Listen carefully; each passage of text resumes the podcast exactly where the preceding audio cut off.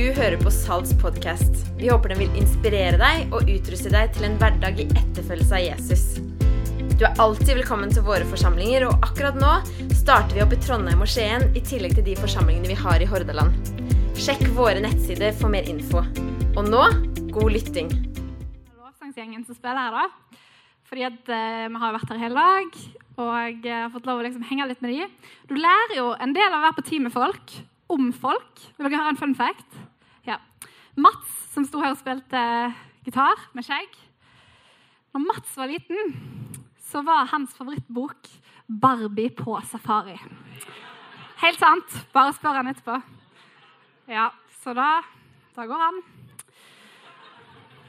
Men det er kjekt å se deg på gudstjenesten her i dag. Både Salt 17 og Salt 19 samla for én gudstjeneste. Det er jo kremen, rett og slett, samla på en plass. Veldig fint å feire medlemsopptak sammen. Det er veldig gøy. Håper du blir inspirert. Jeg, vet, jeg var på sommerfest i går. Selvfølgelig var jeg på sommerfest i går. Og da snakket jeg da rett og slett med to personer om medlemskap. Det er da vi bruker sommerfestene til Herre Salt. Og de meldte seg inn i dag. Så det er veldig kjekt. Vi er jo i taleserien 'Hellig tid'. Og jeg vet ikke hva forhold du har til da begrepet 'hellig tid'. Men 'hellig' som ord betyr jo noe som er adskilt, noe som er annerledes. Og Derfor snakker vi om denne tida som er litt sånn adskilt fra resten av livet, samtidig som det er en del av det, men som er litt annerledes. Den tida der vi kommer sammen på gudstjeneste, og vi snakker om de tingene vi gjør. Så i dag skal vi snakke om tjeneste. Forrige gang snakket vi om lovsang. Hvis du ikke var her, så kan jeg anbefale den talen. ligger på podcast. Men når jeg skal snakke om tjeneste her i dag, så kan det være du tenker sånn Oi, skal vi ha en 30 minutter lang liksom, rekrutteringstale? Og det skal vi ikke. Det vi skal snakke om i dag, det er verdien av tjeneste. Hva forteller Bibelen oss om tjeneste, og hva viser Jesus oss om hvordan det ser ut? Hvis du derimot blir inspirert til å bli med på team, så er det en helt annen sak. og da er du selvfølgelig velkommen til her, Men det er altså ikke hensikten med talen. Vi hviler litt i Kolossene, kapittel 3 i denne taleserien. Fordi at vi tror at det kapittelet forteller oss noe om hva det vil si å være kirke. Kolossene 3,15 sier 'La Kristi fred råde i hjertet', for til det ble dere kalt da dere ble en kropp. Og vær takknemlige. Dette forteller oss om å være én kropp. Og vet ikke om du, hva du tenker på når du hører uttrykket 'en kropp', men i bibelsk, eh, bibelspråket på en måte, så handler det å være en kropp handler om at vi alle er forskjellige. forskjellige. Vi er forskjellige mennesker. Vi har forskjellige talenter, forskjellige gaver, forskjellige personligheter, forskjellige historier. Og alt da kan vi på en måte bringe sammen til å være ei kirke. Som, på samme måte som en kropp har en fot og en arm, så har òg kirka forskjellige eh, mennesker, men sammen så er vi. Og I vers 17 av Kolossene 3 så står det La alt dere sier og gjør, skje i Herren Jesu navn med takk til Gud, vår Far, ved ham. La alt dere sier og gjør, skje i Herren Jesu navn. Og når vi er en kropp, når vi ikke bare er mennesker på et sololøp, men når vi går sammen og tar det vi har, og joiner fellesskapet, så gjør det òg dette som står i vers 17 om å la alt vi sier og gjør, skje i Herren Jesu navn. Det gjør det enklere, rett og slett, fordi vi står sammen om det. Og Jesus utfordrer oss på hvordan dette kan se ut, i en veldig interessant tekst som står om i Johannes kapittel 13, som jeg skal lese nå. Og Den teksten er litt lang, så derfor kommer liksom utfordringen til deg om å liksom leve deg litt inn i det. Tenk at du er der. Tenk sånn hm, Lurer på hvordan det lukter der. For liksom tenk, Nå er det meg og Jesus og disiplene som henger, og så er jeg liksom med på det. Johannes kapittel 13 så står det Det var like før påskehøytiden, og Jesus visste at hans time var kommet da han skulle gå bort fra denne verden og til sin far. Han hadde elsket sine egne som var i verden, og han elsket dem helt til det siste. De holdt måltid. Djevelen hadde alt gitt Judas, sønn av Simon Iskariot, den tanken i hjertet at han skulle forråde ham. Jesus visste at far hadde gitt alt i hans hånd, og at han var utgått fra Gud og gikk til Gud. Da reiser han seg fra måltidet, legger av seg kappen, tar et linklede og binder det om seg. Så heller han vann i et fat og begynner å vaske disiplenes føtter og tørke dem med linkledet som han hadde rundt livet. Han kommer til Simon Peter. Peter sier, 'Herre, vasker du mine føtter?' Jesus svarte, 'Det jeg gjør, forstår du ikke nå, men du skal forstå det siden.' 'Aldri i evighet skal du vaske føttene mine', sier Peter. 'Hvis jeg ikke vasker deg, har du ingen del i meg', svarte Jesus. Da sier Peter, 'Herre, ikke bare føttene, men hendene og hodet også.' Var litt sånn rask på å endre mening. Jesus sier til ham, 'Den som har badet, er helt ren og trenger bare å vaske føttene.' 'Dere er rene, men ikke alle.' For han visste hvem som skulle forråde ham. Derfor sa han, 'Dere er ikke alle rene.' Da han hadde vasket føttene deres og tatt på seg kappen, tok han plass ved bordet igjen. Så sa han til dem, 'Forstår dere hva jeg har gjort for dere?' 'Dere kaller meg mester og herre, og det, dere gjør det med rette, for jeg er det.' 'Når jeg, som er Herren og Mesteren, har vasket deres føtter,' 'da skylder også dere å vaske hverandres føtter.' 'Jeg har gitt dere et forbilde. Slik jeg har gjort mot dere, skal også dere gjøre.' Sannelig, sannelig, sier dere, tjeneren er ikke større enn herren sin, og utsendingen er ikke større enn han som har sendt ham. Nå vet dere dette, og salige er dere, så sant dere også gjør det. Denne historien starter på en litt sånn interessant måte, syns jeg. For han starter med å, å beskrive Jesu kjærlighet for disiplene sine. Samtidig som han beskriver Judas sine planer for å forråde Jesus. Og så står det litt senere at Jesus visste at Judas skulle forråde Jesus. Men likevel da, så sitter Jesus der med, med en så stor kjærlighet. Og Jeg vet ikke hva du hadde gjort, og jeg vet ikke hva jeg hadde gjort. Hvis jeg satt i en sirkel av venner, og så visste jeg at den ene har litt sånn lumske planer da, om å forråde meg eller om å gjøre noe vondt mot meg, ville jeg da sittet der full av kjærlighet og faktisk endt opp med å gjøre en tjeneste for den personen av å vaske beina til den personen? Jeg tror ikke at jeg er et stort nok menneske til at det ville skjedd. Men Jesus er det. Og grunnen til det er at Jesus sin tjeneste kommer ut ifra at han vet hvem han er. At han vet at han er sendt av Gud. Han vet at han er sendt til en verden. Og det må egentlig være utgangspunktet for all kristen tjeneste. Først og fremst så handler det om ikke hva vi gjør, men hvem vi er. Som kristne, de av oss som er, definerer oss selv som kristne i dette rommet, vi får lov til å motta Guds kjærlighet. Vi får lov til å motta hans kraft. Vi får lov til å motta Hans nåde. Og det er da alt det vi gjør, kommer ut ifra. Det kommer ut ifra fordi at vi får lov til å motta kjærlighet. Så kan vi få lov til å gi kjærlighet videre. Fordi at vi får lov til å motta nåden av at vi kan få være Guds barn. Så får vi lov til å formidle det videre til andre mennesker. Fordi at vi får kraft, så får vi kraft til å gjøre en, en forskjell i folks liv. Og kanskje er du her i dag, og du, kanskje du ikke definerer deg sjøl som kristen, eller kanskje du ikke er helt sikker på, på, disse tingene. Men den gaven er der. Han står der og venter på deg. Han er klar for deg uansett hva du sjøl opplever og tror akkurat nå. Da å ha en tjeneste for andre mennesker skal aldri være noe som vi må gjøre. Det er noe som vi får lov til å gjøre.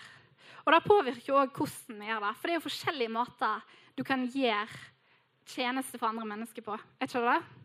Du kan være sånn som naboen i nabolaget, som i dugnaden vasker sånn akkurat sin del av muren. Som jeg kan se på dette bildet her. vet ikke om du ser liksom streken som går nedover hele. Det er jo én måte å, være, å, gjøre en tjeneste for andre på. Eller så kan det være sånn som eh, Eddie. Jeg var en gang på team med Eddie. Og Eddie han var en eh, 60 år gammel mann fra Ja, han var jo en mann, han het jo Eddie. Han var 60 år. Fra Malaysia. Hadde sånn hvitt hår, litt sånn halvlangt hår. Og vi var på team sammen på en konferanse der vi hadde ansvar sammen med noen andre for på en måte inngangen til eh, et sånt stort auditorium. Den ene inngangen, da. En av sikkert 20. Og, Og vår jobb var liksom å ønske folk velkommen, stå i døra og hjelpe folk å finne plasser. Og det var ganske hektisk, fordi at med en gang dørene åpnet, så var det sånn Oi, her åpna meg elv av mennesker som kom rett mot oss. Så det var mest sånn liksom Vi gjør det så bra vi kan. Men så i pausen, da, så viste det seg at det går faktisk an å ha det gøy når du er på time òg. Vet ikke om du vet det. Men eh, Eddie han viste liksom sine skjulte sider i pausene når vi skulle liksom rydde opp. Så da eh, satte de gjerne på litt sånn musikk i salen. Og da viste det seg at Eddie på 60 fra Malaysia han kunne danse.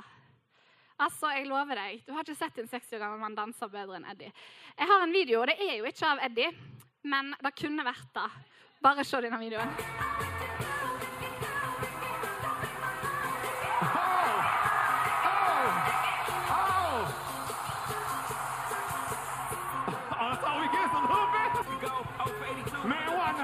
On, man. It's Tuesday. Oh! Red Nation, make some noise out there! Hey! Hey! Oh! Sånn cirka sånn var Eddie. Kanskje bortsett fra det siste hoppet. Det var kanskje ikke helt Jeg kan ikke huske at han gjorde det. i hvert fall. Det kan jo være. Det kan jo være. Men det Eddie viste meg, var at uh, når vi vet hvem vi er, og vet hvorfor vi er der, så kan vi ha det sjukt gøy når vi gjør en tjeneste sammen. Det står videre at da reiser han seg fra måltidet, legger av seg kappen, tar et linklede og binder det om seg. Så heller han vann i et fat og begynner å vaske disiplenes føtter og tørke dem med linkledet som han hadde rundt livet. Altså, Hvis dette hadde skjedd i dag, da, så hadde det vært tidenes Insta-moment. Alle dere hadde hatt oppe mobilene. Jeg lover. For det som skjer i denne teksten, i denne delen av teksten, det er faktisk på deres tid helt uhørt. Det er helt galskap. Det som skjer, er at Jesus, som er Gud, som er allmektig, som har kommet til jorda som et menneske, han går rett og slett ned på nivået til slaven på denne tida. Det var slaven som vaska beina til mennesket. Eh, Det var, han tar på seg dette linkledet, som ikke bare er et linklede, men som er, det er liksom tjeneren sine klær. Og Derfor sier jo Peter senere sånn What? Du kan ikke gjøre dette. For han syns jo det er helt sjukt. For det er helt uventa og uhørt. Jesus han snur alt på hodet. Han sprenger litt grenser. Litt sosiale grenser, litt hierarkiske grenser. Og det er jo ikke bare her han gjør det. Han gjør jo det i hele bibelhistorien, egentlig. Han eh, snakker med de kvinnene som ingen andre ville snakke med. Han eh, inkluderer barn og sier at barn skal få lov til å være med. Barn er viktige. Han snakker med de som er utstøtt fra samfunnet. Dette gjør han hele tida. Um, og jeg tror at kanskje har vi ikke så synlige liksom, begrensninger i samfunnet vårt som de hadde da. Men jeg tror vi har utrolig mange usynlige begrensninger. Usynlige grenser òg i vårt samfunn. Men tenk hvis vi var i kirka, da. Der en person som kom rett fra bussen hjem fra bibelskoleturen, følte seg akkurat like velkommen når den kom inn døra, som personen som kom fra gata. Tenk hvis vi var i kirka som klarte å sprenge noen av disse sosiale grensene som vårt samfunn har satt opp. Tenk hvis vi var i kirka der eh, janteloven ikke gjaldt. Der det ikke fantes eh, sånne type begrensninger som gjør at eh, mennesker kan bli utafor, men at vi skapte et samfunn der alle var innenfor. Og tenk hvis vi var i kirka som klarte å sprenge noen av de liksom, kulturelle, rare tingene som vi gjør i Norge av og til. En venninne av meg var på joggetur det er mange år siden i Bergen. Og så snubla hun jeg tror hun snubla i ei trapp og datt. Og liksom slo seg, faktisk. Ikke bare sånn 'oi, dette var flaut', men hun slo seg. Og så kommer hun inn døra, og så sier hun Det var ingen som spurte meg om det gikk bra.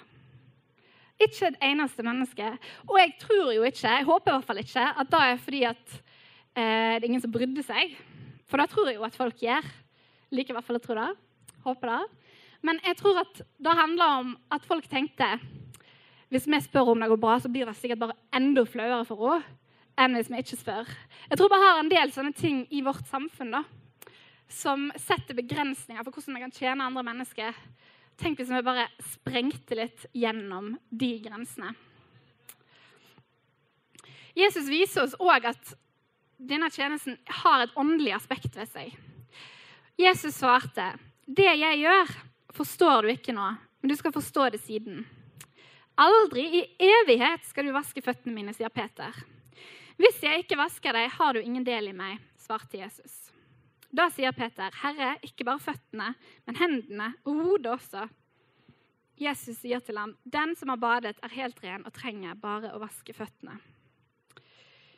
Jesus sier jo her at hvis jeg ikke vasker føttene dine, så har du ingen del i meg. Og det kan jo virke litt sært. Sånn, oi, Hvis ikke vi lar Jesus komme og liksom vaske beina våre, så er vi ut forbi, på en måte. Men clouet er at dette skjer rett før påskehøytida. Det skjer rett før Jesus skal gjøre sitt store, ultimate offer av å dø for oss, av å dø for Peter. Så når Jesus sier hvis du ikke kan eh, ta imot min fotvask, så har du ingen del i meg, så sier han jo egentlig hvis du ikke engang kan ta imot noe så lite som en fotvask, selv om du syns det er ukomfortabelt, hvordan kan du da ta imot noe så stort som gaven av et nytt liv i meg? Og det Jesus gjør her, er jo at han bruker sin tjeneste, sin fysiske, praktiske tjeneste til å vaske Peter sine bein. Da bruker han på å forberede Peter på det som skal komme.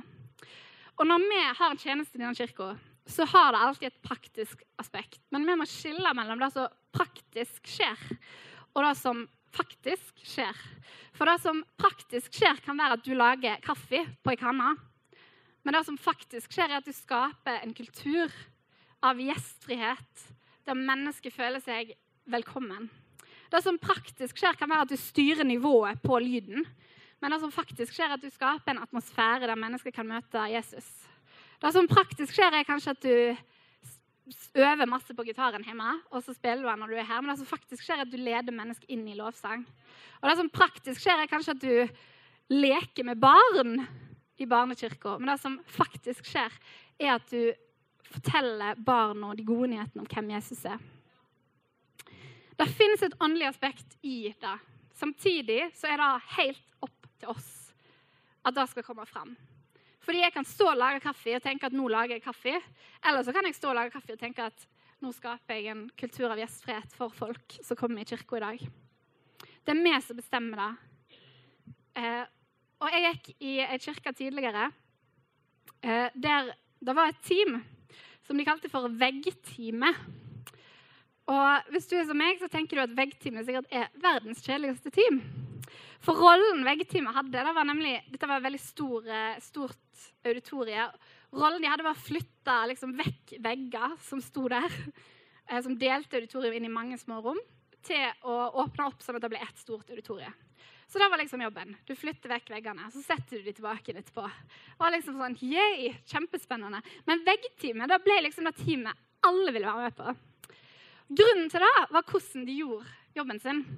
Fordi de brukte kanskje en tredjedel av tida på å flytte veggene. Resten av tida brukte de på å be for gudstjenesten, på å be for hverandre, på å oppmuntre hverandre, heie på hverandre. Veggeteamet ble liksom en liten life-gruppe bare at de flytta noen vegger som en del av det. Og sånne team kan vi òg skape hvis vi har lyst til det. Og da har i hvert fall jeg lyst til. Videre så sier Jesus når jeg, som er herre, Herren og Mesteren, har vasket deres føtter, da skylder også dere å vaske hverandres føtter. Jeg har gitt dere et forbilde. Slik jeg har gjort mot dere, skal også dere gjøre. Sannelig, sannelig, jeg sier dere, tjeneren er ikke større enn herren sin, og utsendingen er ikke større enn han som har sendt ham. Nå vet dere dette, og salige er dere, så sant dere også gjør det. Dette er jo en utfordring til oss, er det ikke det? Han gir en utfordring om at alle kan være med i en tjeneste. Vi kan alle se på Jesus sitt eksempel og ta det inn i vårt liv. Og det fins et prinsipp som heter Pareto-prinsippet. Jeg vet ikke om du har hørt om det. Men det kommer fra en italiensk økonom som på slutten av 1800-tallet fant ut at i Italia på den tida så var det sånn at 20% av de som bodde i Italia, eide 80 av eh, Italia, av landet. Og Det brukes ofte i andre settinger, og det handler om at 80% av det du får ut av noe, kommer fra 20 av det som gis inn i det. Så eksempel kan det være sånn at eh, 80% av alle salgene en bedrift har, eh, blir gjort av 20 av sel selgerne. Eller det kan være sånn at 80% av alle klagene en bedrift får, kommer fra 20% av kundene. Jeg vet ikke om du har hørt om eh, summetonen i BA, Bergensavisen. Men summetonen er en sånn herre eh, side da, i avisa der du kan ringe inn og så kan du si din mening om absolutt alt i hele verden. Så du kan si liksom Jeg syns at Olav Skyrres gate skulle hete Erna Solbergs gate. Altså, Det er helt opp til deg. Du kan si akkurat hva du mener om alt, og så skriver du kanskje en sak om det hvis du er heldig. Og jeg har en slektning da, som er ganske sikker på at av BA sine kunder så er kanskje denne slektningen blant de 20% som ringer 80% av gangene inn til summetonen. Ja da. Eh, men i kirkesammenheng så vil det ofte si at 20% av alle som går i kirka, gjør 80% av all tjeneste. Og dette prinsippet i kirkesammenheng har vi i Salt kjempa mot fra den dagen denne menigheten starta. Ikke først og fremst fordi at vi ønsker liksom sørge for at de 20% ikke får solstikk fordi de er for masse. Men først og fremst fordi at vi tror at Gud har lagt ned i ethvert menneske gaver og talenter. Og hvis 80 ikke gjør noe som helst, eh, så er det utrolig masse bortkasta eh, av det som Gud har lagt ned i oss. Og det syns vi er veldig viktig. Så det vi tenker i Salt, det er tenk hvis i stedet for at 20% gjorde 80 Tenk hvis 80% av oss hadde gjort 100% av alt arbeidet.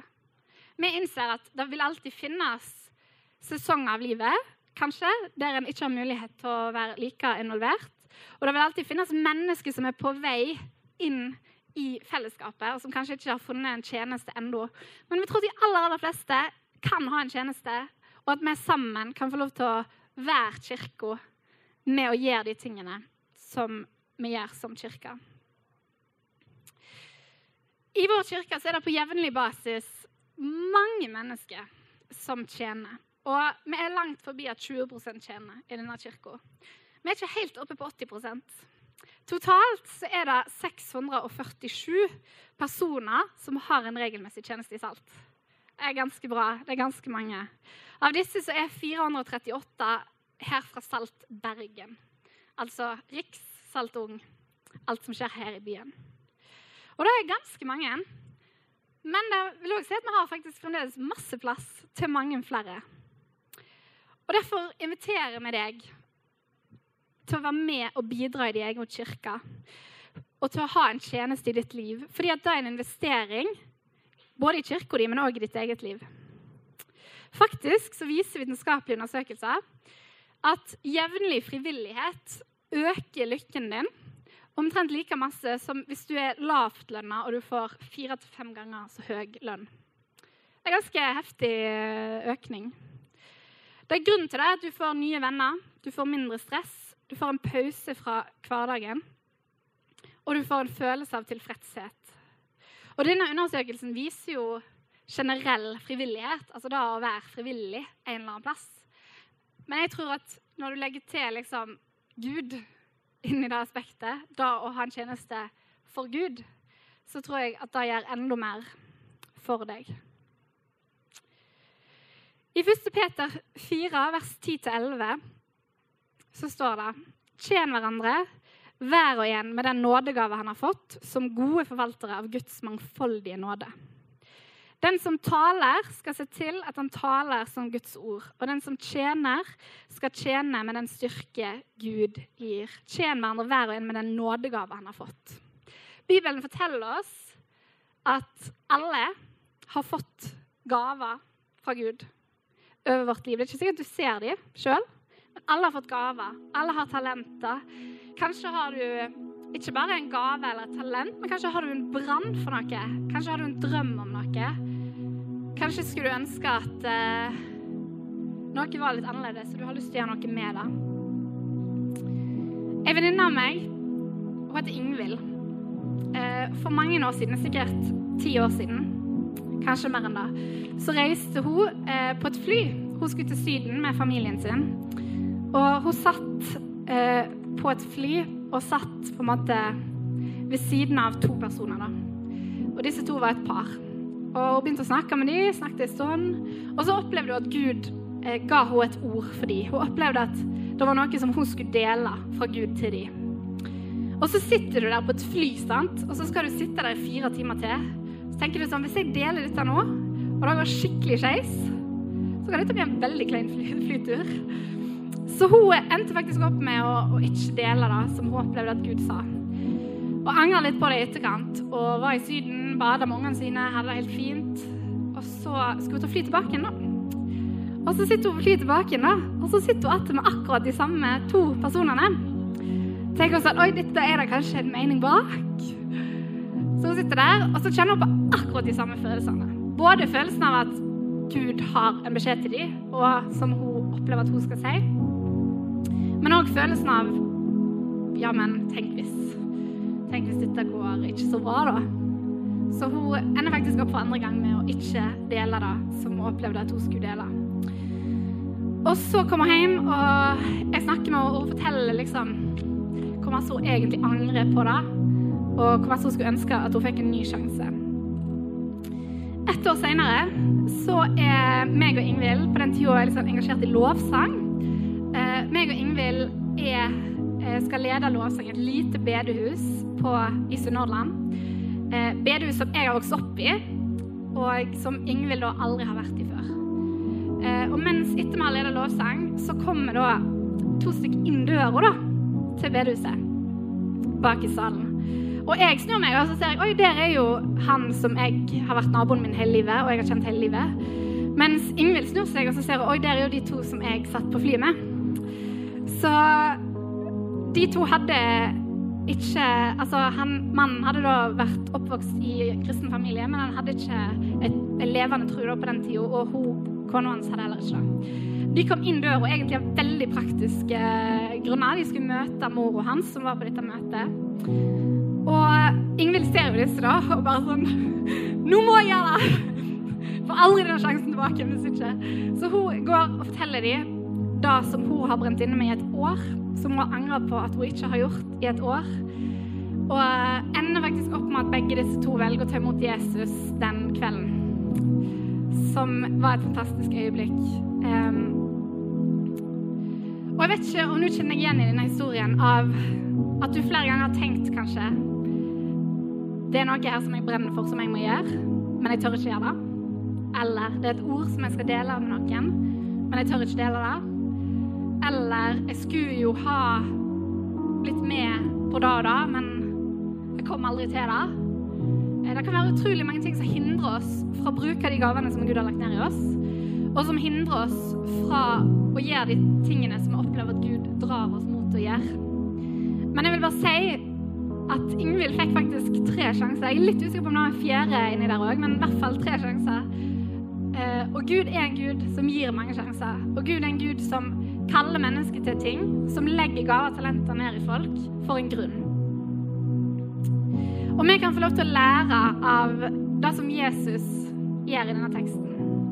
Vi kan få lov til å lære at først og fremst så gjør vi dette fordi at Jesus har gjort noe for oss. Først og fremst skal vi ha en tjeneste for andre fordi at han har gjort den største tjenesten for oss. Vi kan få lov til å lære at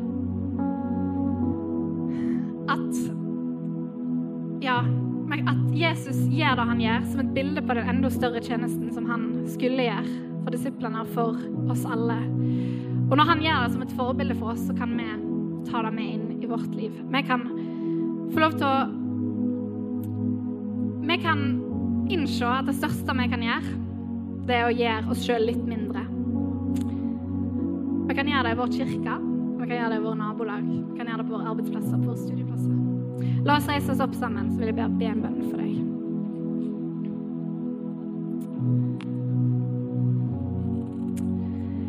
Jesus, jeg takker deg for eh, den ultimate tjenesten som du gjorde for oss på korset. Jeg takker deg for at vi kan være mennesker som får lov å motta den fotvasken som du gir, men òg mennesker som kan få lov til å gi den videre, Jesus.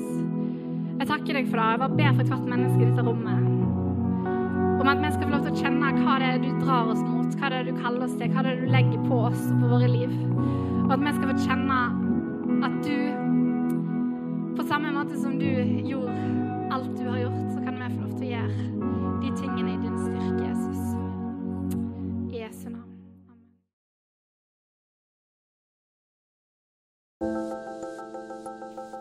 Takk for at du lyttet til podkasten til Salt.